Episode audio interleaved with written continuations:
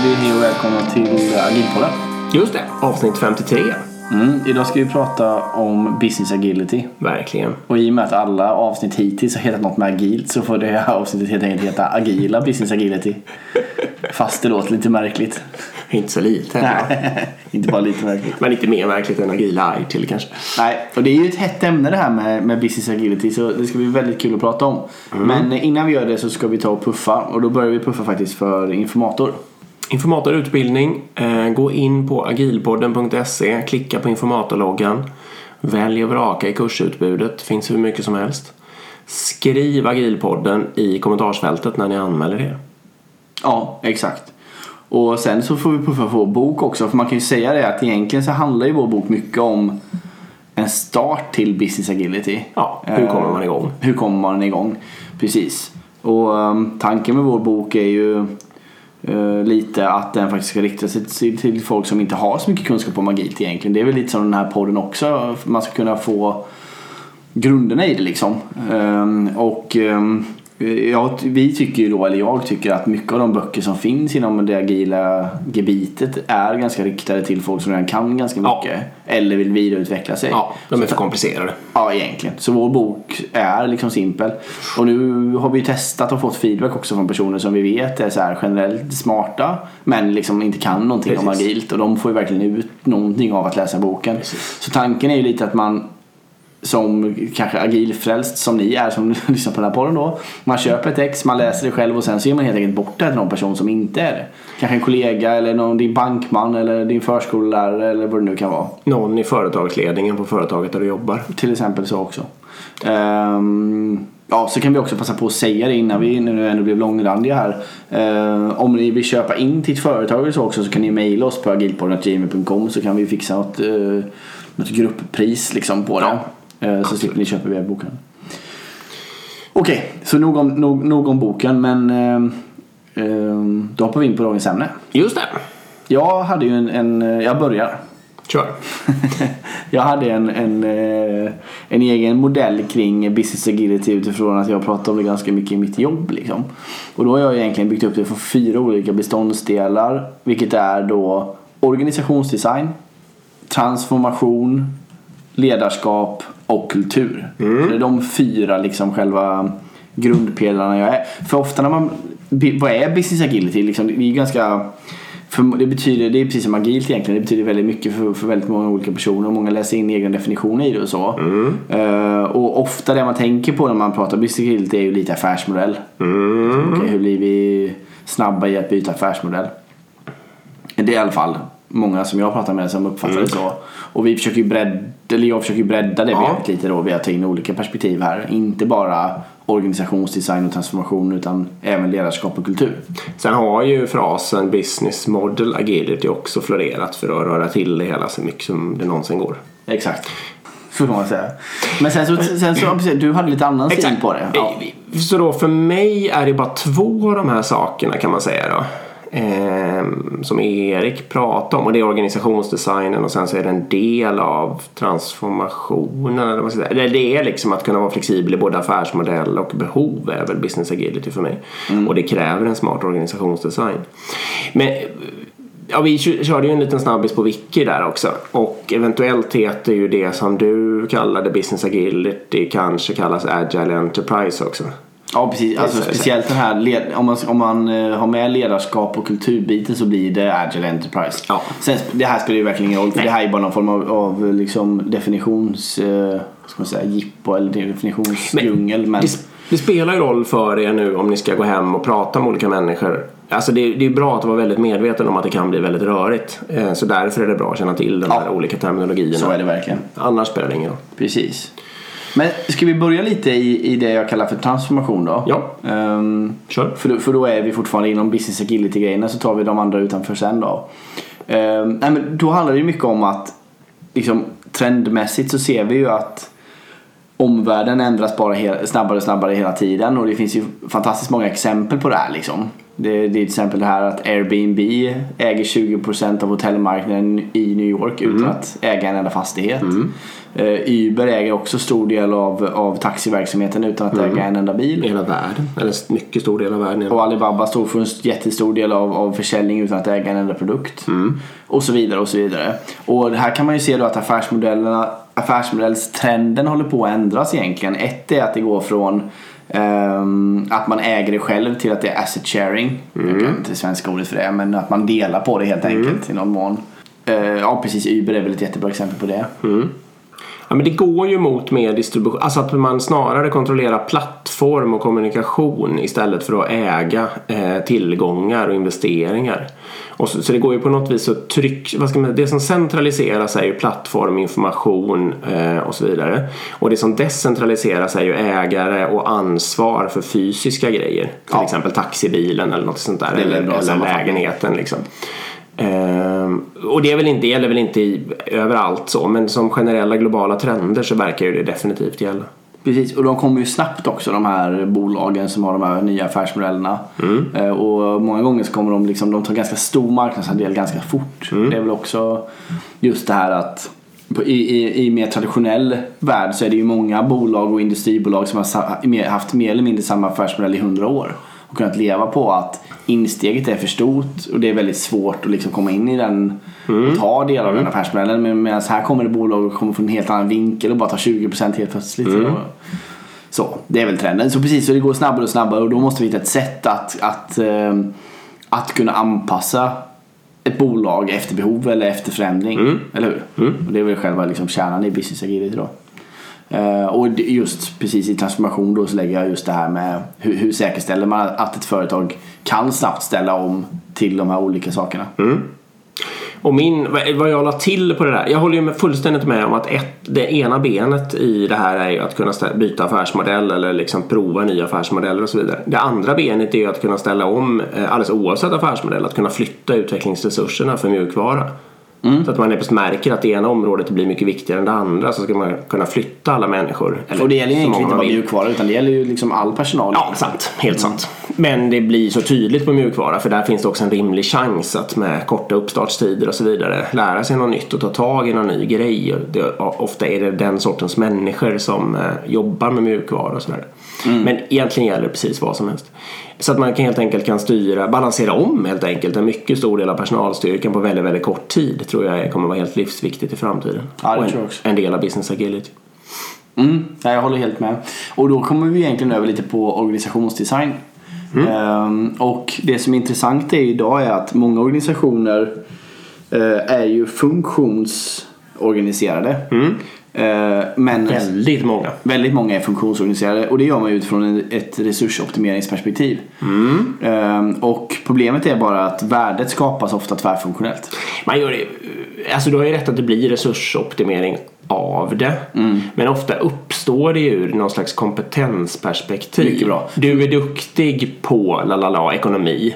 Eh, Så därför får du bygga en ekonomi. Först är du själv och Mm. sen så växer företaget och då får du bygga en ekonomiavdelning och där kan du anställa ekonomer och så vidare. För säkerställa kompetens. Exakt. Ja. Och det är ju liksom, bara för, det är mänskligt att bete sig på det viset Ja, även om verkligen. vi råkar veta att det är dumt. Ja. Mm. Nej, verkligen. Och jag menar... ehm, För att om man, förlåt, om man uttrycker det som att eh, man gör det bara för att resursoptimera istället för flödesoptimera då är, antyder man att folk är dumma i huvudet. Ja, det, är, det är snarare så att det är en fälla som man bara glider in i utan Ja, att jag håller någonsin reflektera. Nej men precis, exakt. Man, man är funktionsorganiserad på grund av resursoptimering och kompetensoptimering. Mm. Det är helt rätt. Men som, som ni många vet och märker i era organisationer är ju att värdet skapas tvär, tvärfunktionellt. Mm. Alltså det är först när flera funktioner arbetar ihop man får ut något värde. Ja. Och eh, problemet med det är ju då att eh, funktioner blir väldigt beroende av varandra och då måste man ofta sätta någon form av koordinering över det här. Ja. Och där kommer någon form av projektlednings liksom projekt. PPS. Ja, men både projektledningsmetodik kom in men även behov av projekt. Ja. För det är projekt som skapar värden. Och då kommer man också till den här utmaningen att då får man helt plötsligt dubbel styrning. För då har du en styrning på funktion, för där har du ofta en linje som är stark. Och sen har du en, en styrning på själva projektet där värdet skapas. Och sen så kommer man till det här mischmaschet att det där funkar ju på en liten skala. Liksom. Men sen när du skalar upp det där och så ska du då resursallokera alla. Du ska liksom förutsätta vad, vad ska det här kosta på förhand. Du ska estimera saker. Liksom, då kommer man in i en värld man inte vill vara i va? Nej, precis. Och ofta kan det ju vara så att man både vill kunna berätta vad projektet ska kosta och hålla sig med en linjebudget. Och, vad är, och då kräver det massvis med räknande för att få det där att gå jämnt ut. Liksom. Visst. Så det, det gör ju att man sitter fast, att man sätter en chefsorganisation i, i ett eh, i ett fokus på att mäta upp KPI och, och budgetar och kalkyler och så vidare. Precis, exakt. Och, så det är väl själva grejen då. Och tanken lite inom Business Agility är väl egentligen att man skapar då istället värdeströmmar. Ehm, man skapar alltså värdeströmmar. Det innebär att man, man, man, man organiserar utifrån där värdet skapas. Alltså tvärfunktionellt då istället. Ja. Och det kan man ju ta olika långt då. Man kan tänka bara att okej okay, det innebär egentligen att backend, frontend och test sitter i samma team. Kan man tänka om man tänker lite smalt. Så börjar det ofta inom IT. Tänker man lite större så kan man tänka att okej okay, vi kanske inte ska ha en separat HR-funktion. Vi kanske inte ska ha en separat finansfunktion. Vi kanske inte ska Nej. ha en separat inköpsfunktion och så vidare. Framförallt ska vi inte ha en separat marknadsfunktion. Nej, exakt. Utan vi måste, den kompetensen måste finnas i värdeströmmen då. Och värdeströmmen behöver egentligen inte vara organisatorisk. Det skulle Nej. kunna vara liksom ett, ett eh, projekt eller vad man skulle säga. Men, men det som är viktigt med, så som i alla fall jag väljer att definiera värdeström är ju att det är väldigt, alla personer som jobbar i det här flödet, både alla personer, alla system och alla processer måste ligga i, i, Ja. i, i samma liksom. Och om du har då massor med olika organisatorisk tillhörighet på alla de här så kommer du få det mycket mer komplext än om du organiserar efter värdeströmmen. Och det här har vi säkert pratat om förut men här spelar det ju stor roll om företag eller liksom den organisationen man jobbar i om den är linjestark eller produktstark eller vad den är, vad det är för kultur liksom. Ja, för att om den är extremt linjestark då kan det finnas stora utmaningar i att inte organisera om linjen utan att bara hoppas att de värdeströmmarna ska klara sig liksom. Men om den däremot är väldigt till exempel produktstark då- och lojaliteten ligger med produkten då kommer det troligtvis funka ganska bra. För då kommer folk känna att de gör nytta för produkten och då är det bra med det. Liksom. Då kommer de inte eh, göra som linjechefen säger i första hand. Nej. Och här kan man ju säga då, men det- här låter precis som att ni vill organisera er på hur projekten är liksom. Ja, och det är väl lite sant också. Men man vill ha det teamorganiserat och eh, inte tillfälligt utan kontinuerligt. Eller liksom, det kan ju självklart ändra sig långsamt genom tiden men man vill ju inte att det ska ändras om. Alltså att projektet ska kasta resultatet över muren till någon gammal linje som Nej. levde bakom muren och så vidare. Exakt, och sen är det ytterligare två grejer tycker jag och det är ju att man vill, vi vill ha en styrning på det. Eh, För så är det inte i projekt och linjeorganisationer. Oftast inte, Det är dubbelstyrt. Och sen är det en sak till. Vad var det då? Jo, exakt. Sen är det, det, det, den andra saken är då att man, man, alla, man jobbar heltid i sin värdeström. Ja, men I projektorganisation så blir det väldigt ofta så att ja, men 15% i det projektet, 20% Ja, där, 40% där och 15% allokering och det. Det finns ju olika i och för sig. Men Det många finns olika. projektorganisationer tenderar att bli så. ja. Det blir ofta så. Så att, Eh, Så det, det är ändå en stor skillnad då. Eh, Sen om vi går in ytterligare lite på värde. Jag tycker det är fantastiskt spännande med de här värdeströmmarna. Och eh, om man, om man pratar om några förutsättningar egentligen med värdeströmmar är ju att jag tycker då att egentligen ska varje, ström, var, var, varje värdeström i enklaste fallet va, kunna vara ett eget företag. Alltså det ska kunna det- man ska förstå vad det finns för kostnader och man ska förstå hur man tjänar pengar. Eh, och egentligen så skulle man kunna skapa massor med små företag i företaget. Eh, bara för att få liksom att förstå att okej men ni är ansvariga för egna HR, er ekonomi, allting liksom. Det är ett ansvar i den här värdeströmmen.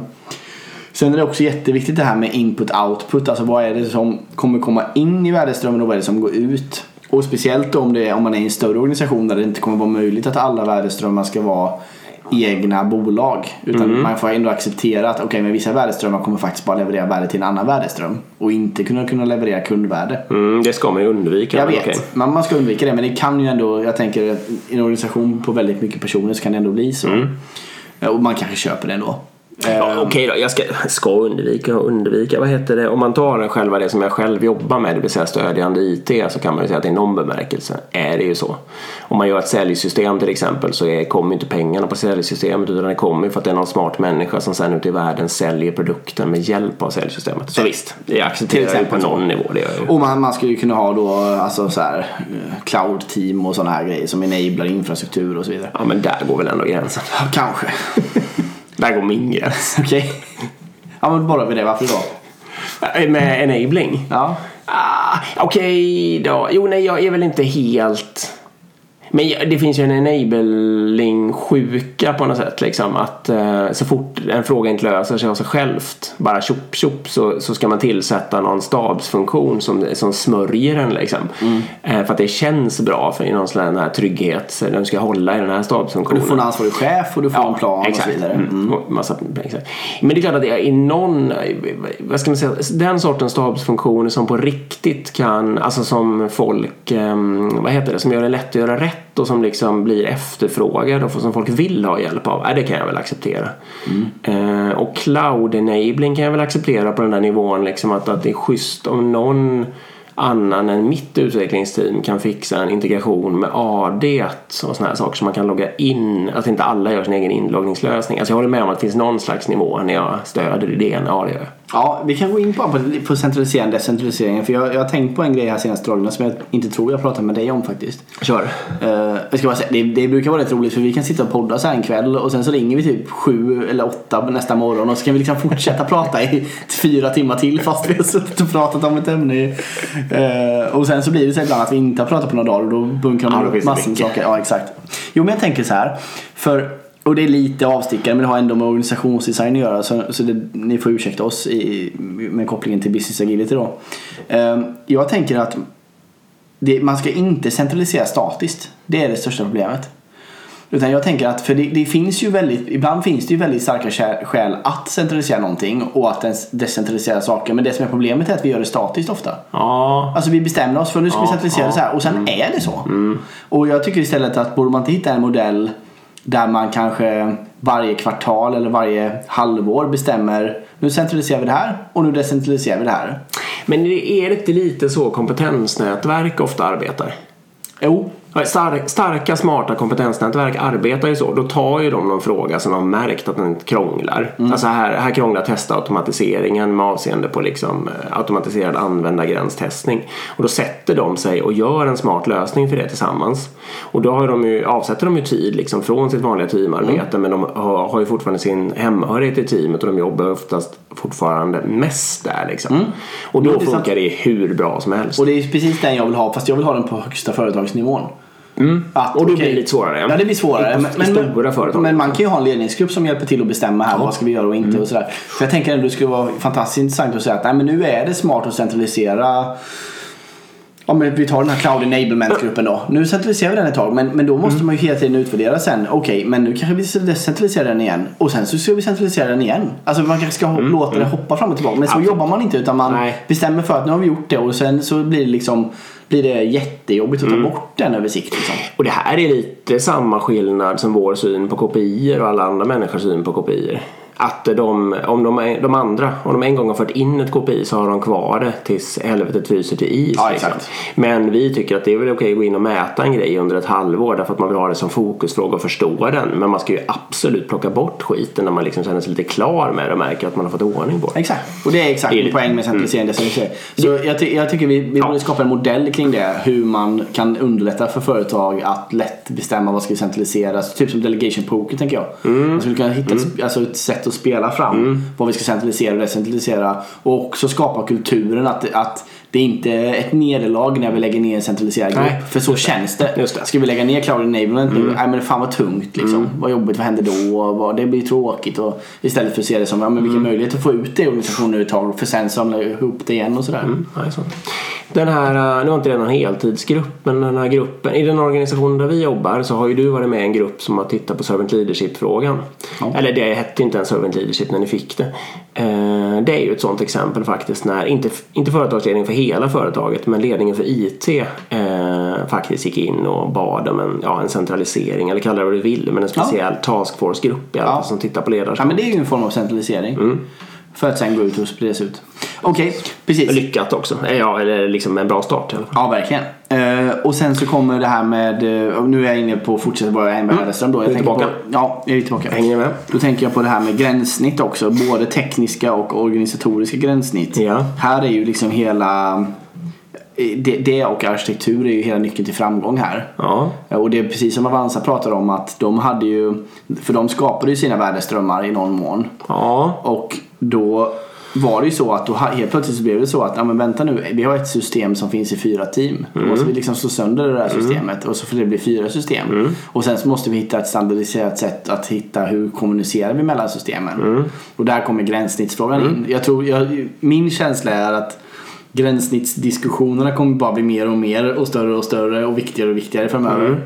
Om man trendspanar lite. Ja, man kan titta på Amazons lyckade det här statementet med att all kommunikation mellan system måste gå genom de gränssnitt som är publicerade. Ja. Mm. Och det har ju, de har ju verkligen värsta arkitekturen också som, som går att göra bra som Ja, helst. extremt viktigt. Och även gränssnitt mellan organisationer då. Återigen det här att, men vänta nu varför har vi 15 beroende till den där värdeströmmen?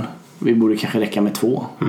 Och hur bygger vi bort dem? Jo, då måste vi kanske slå sönder tre system. Ja, men låt oss göra det då. Och bygga om dem till mikrotjänster så vi får ett oberoende istället. Ehm, så det är också en viktig, viktig grej. Och även hur man kommunicerar då med andra värdeströmmar och så vidare. Nu låter det lite på dig som att du tänker att man ska Ja, eh, det finns ju någon lag som säger att organisation och arkitektur följer varandra. Ja. Nu vet, va? Och det låter ju lite som att du tänker att man ska försöka ta tag i organisation och göra värdeströmmar av det. Och sen abs- absolut inte vara rädd för att låta arkitekturen följa utan snarare peppa för det. Exakt, jag, jag vill Det är det som är din... Exakt, jag vill uppmuntra till att arkitekturen ska följa, ska följa organisationen. Jag, jag tror det skulle vara jättegynnsamt. Det är värt att lägga tid på att bygga om och refakturera för att få det att bli så. Det, Precis. jag tror det. Ja, jag, jag håller med dig. Och det, det där Jag, har vi ju jag då... inte tänkt på det så. Som, nej, precis, nej. Jag håller med. För med Avanza där just att de går ifrån de gick ju från att det var fem team för större, för större funktioner. Det var 5,2 team eller sånt där i varje release till att de gick ner till 1,2 istället. Och det är precis på grund av det här. De har gjort resa med gränssnitten, de har brutit sönder system, de har gjort så att värdeströmmarna blir så oberoende av andra värdeströmmar som möjligt och att de kan få leverera ut. Det är precis exakt just det.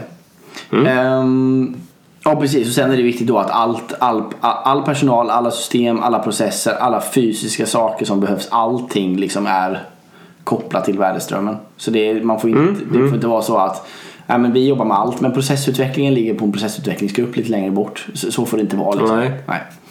Ehm, Sen kan väl jag säga, tycka att ju mindre beroende man har, alltså det kanske finns en gräns någonstans. vad tänker du? Ja men om man, man kan ha, inte vet jag, business controllers kanske eller något sånt där. Sitter Ja visst, kanske det. kanske. Kanske det. För det, det kommer du ändå ta en, en på varje team. Du kommer liksom ha en på 150 människor. Och då Nej, precis, men då kommer vi tillbaka till den frågan igen. Att nej, vi ska antagligen centralisera vissa saker men vi måste hitta liksom, ett agilt sätt att göra det på också. Eh, och det, det, är klart, det är klart vi ska göra det kanske men, men det ska inte bara vara... Det, jag tänker här, för i en funktionell organisation så sitter ju alla de här människorna helt ifrån varandra. Och ta, satsa på att få med alla istället för, istället för uteslut några. Och speciellt sånt här dumt som att sätta processutveckling i en grupp utanför där man gör annat. Det är ju no-brainer att man inte göra så. Ja, absolut. Va- Varför jag är lite försiktig, jag tänker lite på det här med, för ibland så blir det perfekta, det godas fiende på något sätt. Ibland så börjar man få såna här, om man, tittar, om man hoppar ner på vanligt team och tar det som exempel bara. Så hamnar det ibland så här, ja men vi behöver ju en DBA en gång varannan vecka också. Eller liksom en gång i månaden. Ja, då måste vi ha den på teamet. Och det, och det kan vi ju inte ha för det, den jobbar ju bara 2% liksom. Och så fastnar hela diskussionen där och då är det bättre att ha en gammal organisation. Och då försöker jag liksom säga att nej men okej, försök att få det 90% rätt och komma igång och så märker man väl de där små sakerna kan man lösa allt eftersom. Liksom. Ja, absolut. Så det inte liksom det hänger på dem. Ja, Men det som är viktigt med... Nej precis, det som är viktigt med eh, organisationsdesignen och, och sen har vi hela en-to-en diskussion också. Mm. Men, men eh, Ta den. okej, men, men det är ju lite det här som Vad är det för något? Jag, jag har fastnat i så många en-to-en diskussioner här så jag vågar knappt uttala mig längre men... eh, Ska jag, loss, ska jag spela? Nej men jag tänker att det handlar precis som vi sa det här i början med att man skulle kunna se det som ett eget företag. Eller hur? Man ska ha en to end, alltså Ja. från, idé, från idé till att man drar in pengar på det. Ja. Mm, Det är liksom hela värdekedjan. Hela, ja precis exakt. Det är värdekedjan. Man brukar säga en, eller den definitionen som jag ofta tänker i alla fall, jag vet inte om den är rätt eller fel, men det är någonting som någon kan tänka sig betala pengar för. Eh, Men det är ju lite samma sak. som- Ja, det är lite, eh, precis. Men, men det behöver inte vara, vad ska man säga, det behöver inte vara leva stand-alone. Det gör det ofta inte heller. Nej. Om man tar eh, musikföretaget med gröna loggan så är det så att ingen är beredd att betala för bara en sökfunktion kanske. Nej. Eller så att säga, utan innehåll etc. Men däremot är man ju beredd på, för att betala lite mer för en lite bättre sökfunktion liksom, på något sätt. Precis. Eh, Nej men det hänger ju... Så- exakt. Kalla det vad du vill och det man kan. det- Jag håller helt med att det är ett bra tankesätt att tänka i egna företag. Men man kan nog de, alltså tänka sig att de skulle behöva vara ganska starkt partnerskap med andra företag som kompletterade varandra. För att det liksom Ja det kan ju vara dotterbolag i en koncern och så vidare. Eller vad kallar Ja. det? Ja, tänk som man vill. Liksom. Exakt. Men, men eh, det är ju också det här med att man vill få alla så nära slutkund som möjligt och man vill kunna få den feedbacken in i sin värdeström. För levererar man bara till en annan värdeström och så vet man inte riktigt vad det tar vägen och sådär så det är svårt att driva ett engagemang absolut. och en förståelse för vad det är som skapar kundvärde. Precis, men det som är viktigt också att säga med organisationsdesign är ju att det finns ingenting, alltså organisationsförändringar i sig eh, ska man inte ha övertro på. Det, det, det, det behöver inte alltid generera ett annat resultat liksom. Nej. Eh, Det, det är viktigt att säga. Och det genererar ju rätt mycket oreda också Ja, det när man gör. Det gör det verkligen. Och sen är det ju så, jag menar man kan ju köra igång en värdeström imorgon utan att göra en organisatorisk förändring. Precis. Det, det, det går absolut att göra. Och då går det fortare att experimentera också. Mm, exakt. Och sen, man behöver inte göra hela företaget till värdeströmmar på en enda gång. Utan man, man kan ju försöka hitta, identifiera, okej vad skulle kunna finnas för värdeströmmar i mitt bolag? Eller vad skulle kunna finnas på min arbetsplats? Finns det något område som är mer självklart? Mm. Som är lättare, som är mindre, som är smalare, som är tydligare, alla förstår och så vidare. Börja ja, med den. testa med den. Mm. Börja med den. Då lär ju sig hela organisationen massor liksom. Exakt, och sen så kan man ju bara säga det att allt annat är precis exakt som det brukar vara. Det är helt traditionellt och sen så testar vi med den och så märker vi, ja gav det här effekt? Var det roligare att jobba i den här värdeströmmen eller fick vi ut snabbare saker? Kortade vi ledtiden? Och så vidare. Eh, Stora företag har ju tyvärr en förmåga, eller tyvärr och tyvärr, det är väl bra på ett sätt, men, men att eh, göra det här eh, på något nytt med nya resurser. Och ofta sätta dem så himla långt bort så att de knappt inspirerar resten. Alltså i en annan stad eller liksom en annan del av staden eller Ja. något sånt där. Och min teori skulle, det, självklart gör hellre det än att göra någonting. Men min teori skulle kanske kunna vara att man ändå ska försöka bryta loss människor ur det befintliga bolaget för att lära sig hur det är. Liksom. Och inte bara nyanställa eller liksom ta få- och att, man, att de åtminstone ska befinna sig i ja, samma lokaler. Alltså att det känns ändå att det här har hänt på något sätt. Och det där är superintressant. Det där är en fråga jag har funderat på väldigt mycket också. Det är just att för, för vi, vi, som vi argumenterar nu så det är ju samma sak med agila resan och så. Man, man säger det, ja men börja någonstans i organisationen. Börja med några team och få dem att funka och, och sen så kommer ju det liksom om jag får vi en del att funka så är det stor sannolikhet att de andra ser och så händer det. Men det, det är inte sant. Det, det blir ju inte, det alltså i teorin så blir det ju så men i, i verkligheten så blir det ju inte så. Ja, inte så mycket som man skulle vilja Nej. förstås. Men lite Det är inte så bara att en, om, en, om en del går skitbra och de liksom får upp en agil resa och det bara händer saker och verksamheten är nöjd och allting. Det är inte så att de andra går dit och bara gud vad intressant det här ska Nej, efter. inte, inte per automatik. Det händer liksom inte utan det, det, Nej, men det får ju en... det blir snarare lite tvärtom att de är antingen jobbiga de där borta. De är Ja. jobbiga ja. Ja. ja. men antingen stoppar folk huvudet i sanden. Men det är också en del människor som blir nyfikna och kommer och frågar och besöker. Nej men okej, det, är Men- lite- det är lite både och. Ja exakt och jag tror, jag tror man, eller teoretiskt i alla fall jag, jag har haft en övertro på det innan att bara Ja men vi kör bara på en del, då kommer allt annat ordna sig. Det kommer falla på plats. Mm, nej, nej, nej, nej, det gör det ju inte, det håller jag med dig Men, men min erfarenhet är nu efter flera år att det händer ingenting på de andra delarna. Nej men om du tänker, om vi hoppar till det företaget där vi eh, jobbar och så tänker du det gamla säljsystemet som vi gjorde. Det har ändå inspirerat väldigt många människor. Och så jämför du det med den här logistiklösningen som är utvecklad 40 kilometer bort på, i närtid. Den inspirerar ju, där inspirerar inte arbetssätt och sånt alls. Nej. Kanske att folk blir lite inspirerade av att den gick att göra. Men det är ju ingen som åker dit och besöker eller liksom, det sprider ju sig inte. Nej. Så på något vis, och sen funkar det ju mycket, mycket sämre än vad man någonsin skulle vilja. Men den, den, den utvecklingen som vi gjorde då har ju ändå inspirerat, det måste Ja, man ändå jo. säga. Så att du får ju hålla Nej, med men om att- det är ju inte alltid inget. Nej, men det det jag säger, man hjälper lite. Det gör det, det håller jag med om. Eh, så det är inte alltid inget. Men, men eh, jag, bara, jag bara vill föra tanken på att det kanske inte har exakt den stora effekt man, man tror att det har. Eh, Mm, nej, helt sant. Okej, Helt sant. bra. Då har vi gått igenom lite affärsmodells liksom, grunderna och organisationsdesignsgrunderna. Och nu då enligt liksom, Wikipedias definition så har vi pratat business agility egentligen. Eller hur? Och min. Och det är din. Liksom. Sen går vi in på min definition. Ja. Nej, jag måste ändra Wikipedia här känner jag. Det kan du faktiskt Det- göra. det är- men risken är att någon kommer ändra tillbaka. Det måste ju vara så att jag har rätt i Wikipedia. Nej men det- jag vill koppla på här och det kan man väl säga det är ju med det här Agile Enterprise också. Jag, jag, jag tror att det är en nyckel för att få det här att fungera också. Ehm, och det är ju då själva liksom ett ledarskap och två kulturbitarna. Om vi tar kulturbitarna först så är det ju bara rakt av agilt som jag tänker. Det handlar mycket om det här som vi pratat om att förstå principerna bakom agilt och verkligen bygga en kultur kring det. Bygga beslut som baseras på principer. Ja, hela den biten. Och här kan man ju också spela på lean saker. Om man har produktionsenheter om man, ja, man kan ta saker därifrån och så vidare. Men egentligen bygga en, bygga en kultur kring det. här. För jag tänker att om man nu ska göra en sån här värdeström och man ska blanda folk från olika funktioner i en traditionell organisation. Då måste man ju liksom säkerställa att okej, vänta nu, nu, är, nu kommer inte vi här och representera vår lilla funktion liksom. Utan nu kommer vi och vi är ett team och vi ska börja bygga T-shapedhet och det är viktigt att vi förstår varandra. Vi ska inte ha nyckelpersoner, vi ska inte ha överlämningar. Alltså allt det där går ju liksom emot allt traditionellt egentligen. Vi ska liksom fokusera på flödesoptimering istället för resurs och kompetensoptimering. Det handlar om att korta ledtider, förstå kundvärde. Eh, Och de här bitarna. Och jag tror ju att om man jobbar med kulturbitarna i parallellitet här så kommer man få en mycket bättre effekt liksom av sin business agility. Nej men att vara medveten om att kulturen eh, liksom slår det mesta. Lyckas man bygga den kulturen man vill ha så kommer den att slå det mesta andra dumheterna som händer eller liksom och så vidare.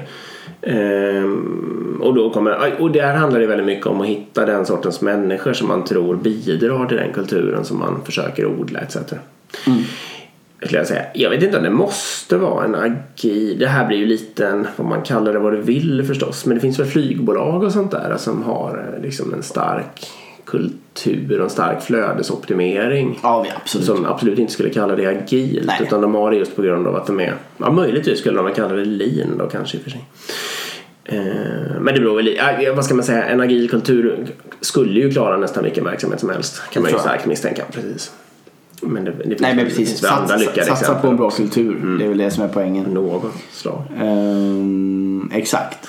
Och sen så har vi ledarskapsbiten då. Vi Mm. har gjort ett avsnitt om ledarskap. Det var typ ett av det första vi gjorde. Jag har faktiskt inte jag lyssnar inte på våra avsnitt så jag, jag har inte återlyssnat på det men det är två år sedan eller något vi pratade om ledarskap Mm. så jag kan tänka mig att vi har lärt oss lite mer under de här två åren kring agilt ledarskap och servant leadership egentligen. Men ehm, jag tror också det är en, en, en fundamentalt viktig grej här att om du tänker Speciellt nu om man har då en funktionell organisation där man kanske har IT, man har en marknadsavdelning och så vidare. Det är ju väldigt, väldigt viktigt i en sån här värdeström att kunna förstå vad team är och att kunna både bygga team, skapa team och leda team.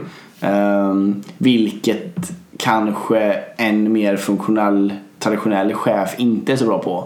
Utan ofta är det ju inte teambaserat arbete där utan det är väldigt mycket individuellt arbete. Det är individuella mål liksom om man driver vissa saker och sådär. Man ska Och- le- leda och fördela arbetet, det är en klassiker. Exakt och, och sen är det ofta kopplat då till eh, kortsiktiga finansiella mål liksom. Mm, kan det vara, ja. Ehm, Det är ganska mycket regler kring det och lagar liksom. Ja. Man eh, håller på information själv Ja. som liksom chef och det är fint att vara chef och det är liksom, Ja. all information ska inte ner och sådär. Nej, det, det, ska jag säga någonting till människors försvar så är min uppfattning är att det händer väldigt, väldigt omedvetet. Ja det tror jag. Man går runt och frågar folk varför en viss piece of information, informations Del. grej, del är hemlig så nej det behöver det ju inte vara säger de väldigt ofta. Varför, eller snarare lite större frågor också. Varför, okej det, här möt, det här mötet som vi sitter och håller här just nu, var ligger mötesinformationen till det liksom? Alltså allt material och allting.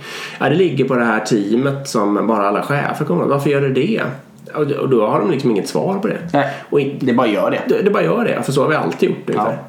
Eh, och, och det, är ju jag, det gäller ju att medvetandegöra sig om det och liksom börja bete sig på ett nytt sätt och förstå att varenda grej, bara för att jag vet det så kommer ingen annan att veta det och jag måste aktivt liksom föra det vidare och det är en del av att ge alla andra chansen att göra sitt fantastiska arbete, att de ska veta samma sak som jag vet. Helt Eller exakt. kunna leta upp dem. Och sen är det också det här med att bara om inte vad en traditionell inte-chef gör en funktionell organisation då. Det är ju just det här med eh, att delegera ansvar och skapa autonomi. Eh, och även det här med, med kundkontakten då. Utan ingen funktionell organisation så det är ofta så att man skapar en grupp som ska vara någon form av ja, superusers eller kundens eh, interface eller vad man nu ska kalla det. Då, då Väldigt de, vanligt. Ja, och det är så fruktansvärt eh, dumt. Ja, Jag hittar inget bättre ord men det, det, det är faktiskt det. Jag måste slå ett slag för det. Och har ni en organisation där det här funkar bra så hör av, oss, hör av er till oss då. För jag, jag tror det finns väldigt få organisationer som får det här att fungera. Utan då tänker man att man ska sätta människor som ska vara lite bättre då på att förstå kundens behov. Och sen ska de vara ute och träffa dem och sen så ska de översätta det tillbaka till Ja. befintlig organisation. Och sen då kompet- kompetens och resursoptimerar man det och sätter dem i samma grupp dessutom. Nu beskriver du lite det mest, det taffligaste Ja. upplägget av det här som ofta förekommer inom IT. Hur skulle du, vad, om, du, om vi tar bilverkstan. Vad tycker du där? Vilken bilverkstad? Ja, vilken som helst. Ja. Eller ta, ta för en Audi A6 då. Ta Audis bilverkstad i eh, Hammarby sjöstad. Ja. Där jag råkar serva min Audi A6. Nej, det- visste jag i och för sig inte men jag gissade att det skulle kunna vara så. Ja, vad är det med den? Nej, men där möter ju du en kundmottagare när du Ja. eh, bokar och... Fast det gör inte det. Man, Nej, inte längre. De har tagit bort det. Man träffar mekanikern direkt. Oj! Ja. Jaha, det är så? Ja, det är, så. Ja, ska det är skitbra. Ehm, All right.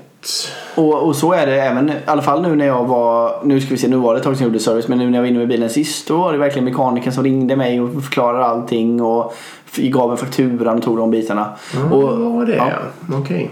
För att jag har ju ibland på ett annat eh, bilmärke inom VW-koncernen som jag lämnar bilen till. Så eh, jag har ju lite olika bilar då. Men här så är det ju kundmottagare fortfarande. Men jag har märkt att de, eh, det ligger liksom en lapp i bilen där det står vad mekanikern hette och där eh, hen har skrivit under liksom. Jag hoppas att du är nöjd med arbetet och sådana saker. Så det märks att de försöker gå lite åt det hållet. Nej men jag tror absolut Ah, okej. att man ska ta bort eller försöka minimera sånt. Sen det behöver inte vara, man, man kan ju Det behöver inte vara allt eller inget heller. Man kan inte få någon kundmottagning men man måste ju säkerställa att det finns en verklighetsförankring i det man gör. Ehm, precis, exakt. Och, för nu pratar vi om, om saker man inte ska göra kopplat till ledarskap och om vi tänker vad, vad vi, vilket ledarskap som skulle underlätta business agility då egentligen. Så tjuvkikar jag också på den här ehm, Eller Agile Enterprise. Exakt. Ja. Fortsätt. Fick in det. Förlåt. Ehm, nej men då eh, tjuvkikade jag på den här posten som Mia Kolmodin har gjort ihop med eh, Pia-Mia. Eh, om business agility. Ja. Ehm, och då är en grej just syftet, alltså purpose. Eh, att man hittar någonting och inspirerar folk kring liksom. Var- Varför finns den här värdeströmmen och vad gör den här värdeströmmen? Så man, man, det finns ett väldigt, starkt syfte med det. Och att man bygger kring värden Mm. istället för regler och så vidare. Det kan man ju också säga principer. Och sen transparens, att man ser till att informationen verkligen är tillgängligt för att skapa innovation och lä- förståelse och att man kan lära sig och en, en, en kultur där information bara är transparent för alla som vill ha den. Ehm, och sen att man skapar då en stark organisation och kultur kring team. Och att man låter de här teamen eh, vara fria då. Alltså att man släpper en tydlig au- autonomi. Att man får autonoma team i den här värdeströmmen. Men sen är det fortfarande viktigt att ha alignment i värdeströmmen. Det, det, det ska jag säga också. Och det är en de, autonomy. Ja exakt och det är den vanligaste farhågan egentligen är ju att ja, men ni vill ju bara jobba agilt för att slippa kontroll. Ehm, eller ni vill ju inte möta deadlines så det är därför vill ni jobba agilt och sådär. Och ehm, eh, många tror ju att bara för att man inte jobbar agilt så, så släpper man på, eller om man är servant leader så släpper man på autonomi och bara låter allting ske helt kontrolllöst. Så är det ju inte alls. Utan det, det, jag skulle säga att det är aldrig så viktigt att ha alignment sen när man väl bör- börjar ska, skaffa autonomi. Och den här eh, fruktansvärda... eh, Det, det är inte alls ovanligt att det finns eh, ganska stark eh, eh, kontroll liksom över hur man gör saker. Men att eh, det är ganska autonomt vad man ska göra. Liksom. Alltså den, den helt värdelösa tvärtom-varianten på det här. Som Exakt. totalt förstör. Liksom. Men det, nu förtydligar vi här för den, det här är jättebra ja, övning. ta lite långsamt. Ja exakt för då, då tänker man Man tänker sig en x-axel, en y-axel Och sen har du alignment på y-axeln och autonomy på x-axeln Ehm, Och om man vill översätta aligned autonomy eller om man vill sätta in huret Den ska ju självklart vara på autonomy-axeln Det ska vi inte styra på. Nej. Alltså vi ska inte styra på vilka metoder Eller hur vi ska jobba och så vidare Nej. Det ska vi inte styra på utan det ska vi låta vara helt fritt, liksom. Processen, det ska tryckas så långt ner i organisationen som det går Absolut. och avgöras av de människorna som utför arbetet. Ja, det finns liksom ingen annan anledning. Och det, så är det ju tyvärr väldigt sällan i organisationer. Utan det är ofta väldigt det man faktiskt styr på eller har alignment på. Processkontor och sånt där, det är Ja. dina favoriter. Ja, exakt. Processkontor men även i det här med tidrapporteringar Ja. och alla de här organisatoriska sakerna som många företag gör är ju att styra på hur ska vi göra saker. Ehm, istället då, och sen precis, men på alignment så måste du ju ha varför och vad. Precis. Va- Så. Vart är det här företaget på väg någonstans? Och vad, vad är det har? varför? Och vad, är det för liksom, behov som behöver eh, uppfyllas? Ja, precis. Och varför? Och grejen är att om du släpper på autonomy, alltså om du låter ett team eller en organisation eller grupper bestämma hur man ska göra saker utan att säga vad och varför så kommer det gå åt helvete. Då kommer du liksom få en kultur som blir att alla är nog ganska glada ändå för det är liksom ganska soft men man kommer inte få ut någonting. Det blir en slags fikakultur av Ja, det blir, det blir fall, så här mingelfest Mm, typ. exakt. Att det är trevligt att gå runt och dricka kaffe men man, det händer, det- man får inget resultat av det. Nej. Ehm, och medan då om man har en, ehm, en hög alignment och en, eh, en, en låg autonomi så får du ju micromanagement-kultur liksom. Mm. Då får du en, ja precis. Då går alla går åt samma håll men det är inte så jävla roligt liksom. Nej. Man har ganska omotiverad personal och det går inte så fort exakt. Och sen när man har båda de här två, alltså du har en hög alignment och du har en hög autonomi, det är ju då du får effektiva team. Och en effektiv organisation. En effektiv. Bra agile enterprise. Ja, precis. Jag håller med. Så det är kopplat till själva, eh, till själva ledarskapet då.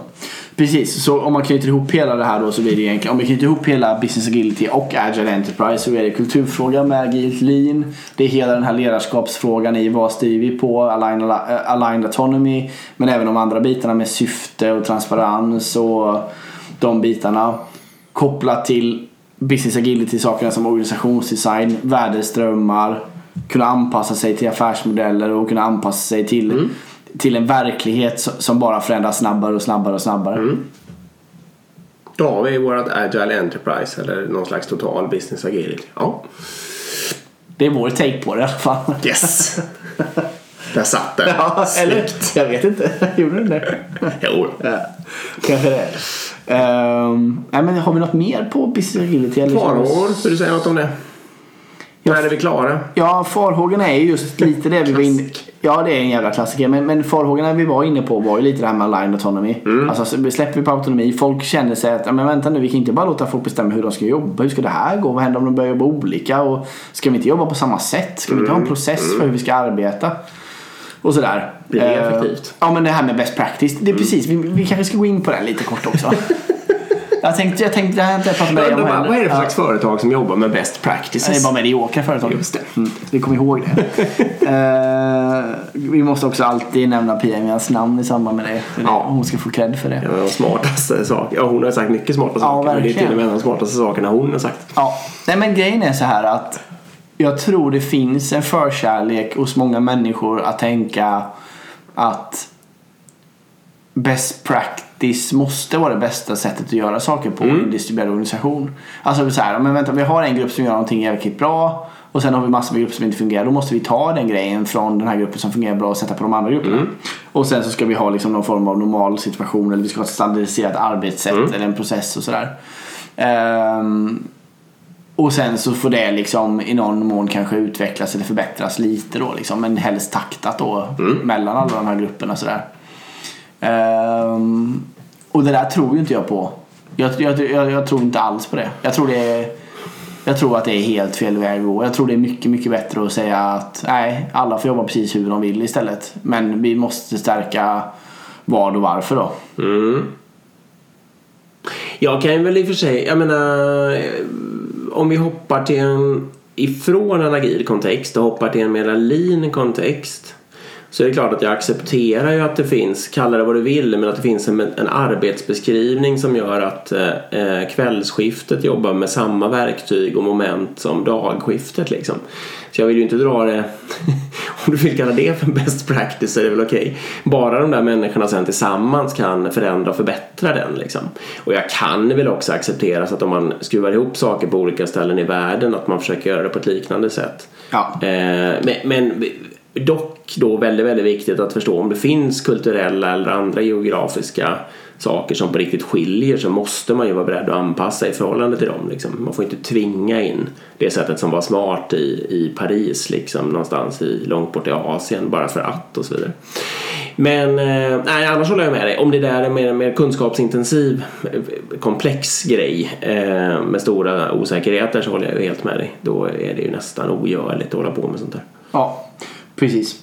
Uh, och sen också, så det är ju liksom en, men det, det, där kan man ju verkligen tycka olika om och det där är ju verkligen värt att diskutera och att man har samsyn på det där.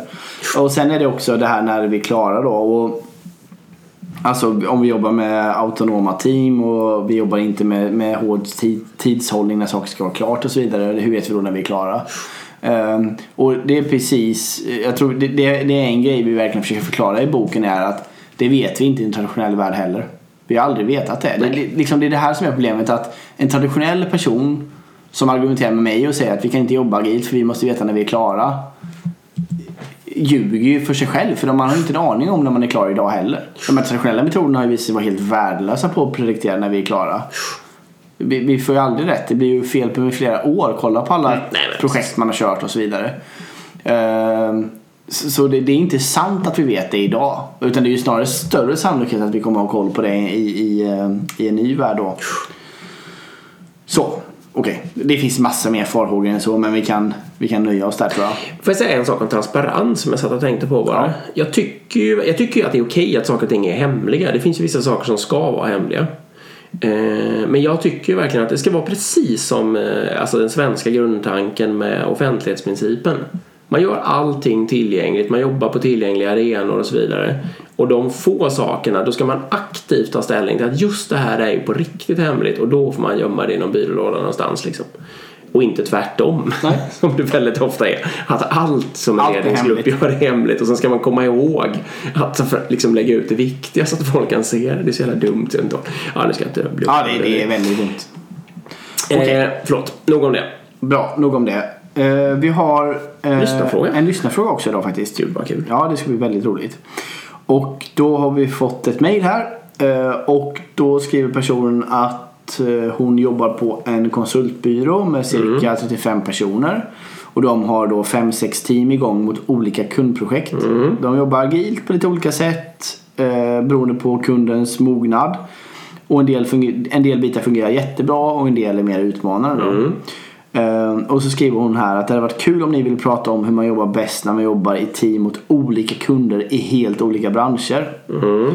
Och så menar hon att historiskt har vi pratat mer om att vi har liksom ett team som har en tydlig leverans eller man jobbar på ett produktbolag som man utvecklar en del av en produkt och sådär. Mm. Alltså teamet är mm. committat till en produkt liksom.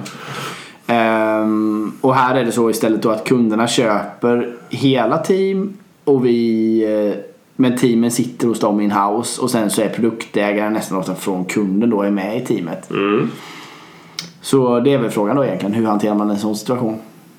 Ja, det, det, det, var, det var lite dubbla budskap där om det var om, om en, en kund på riktigt köper ett helt team i minst liksom någonting, ett kvartal. Då är det väl inget problem. Egentligen inte. Då hamnar, okej okay, visst, då kan det vara så att ena team A sitter och jobbar åt en bank, team B jobbar åt en offshore oljeraffinaderi liksom. Eller oljerigg.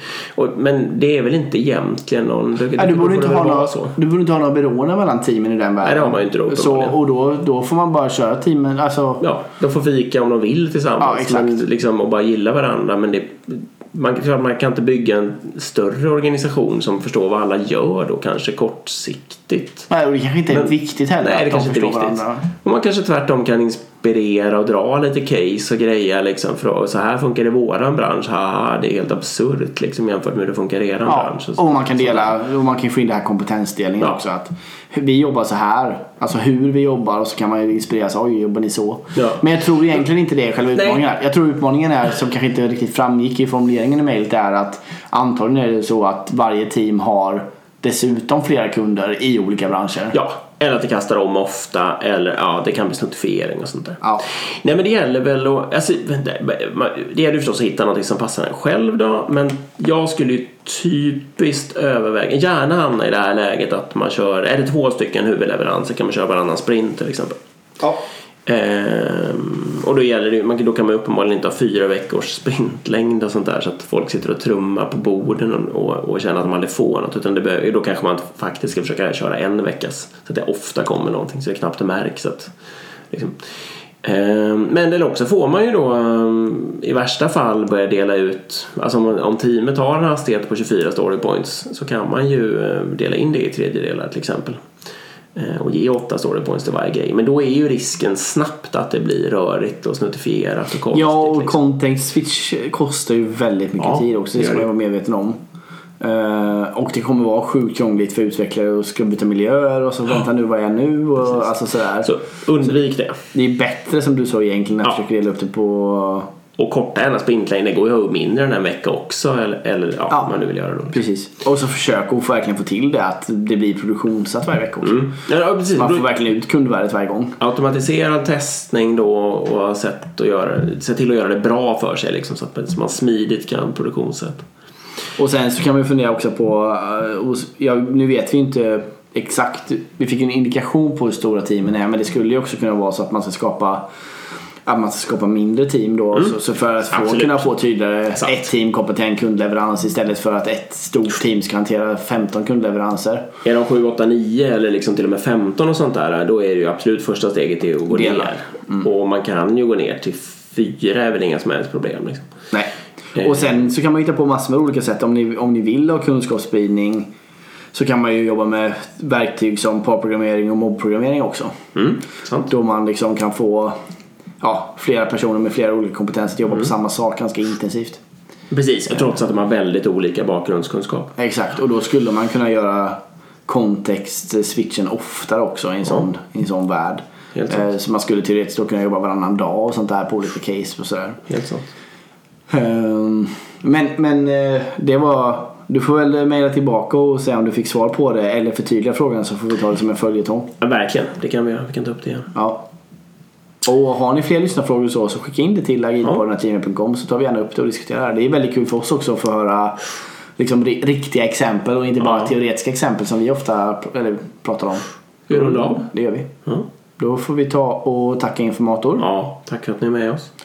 Och sen så finns vi på agilpodden.gmail.com som jag sa. Vi finns på Instagram under agilpodden. Ja. Och där i, i bion också så finns det en snabb länk till vår bok. Just det. Om man vill köpa den. Ehm, och så får vi helt enkelt tacka för att ni lyssnar då. Tack till alla. Mm. Vi Hej! hörs. Hej!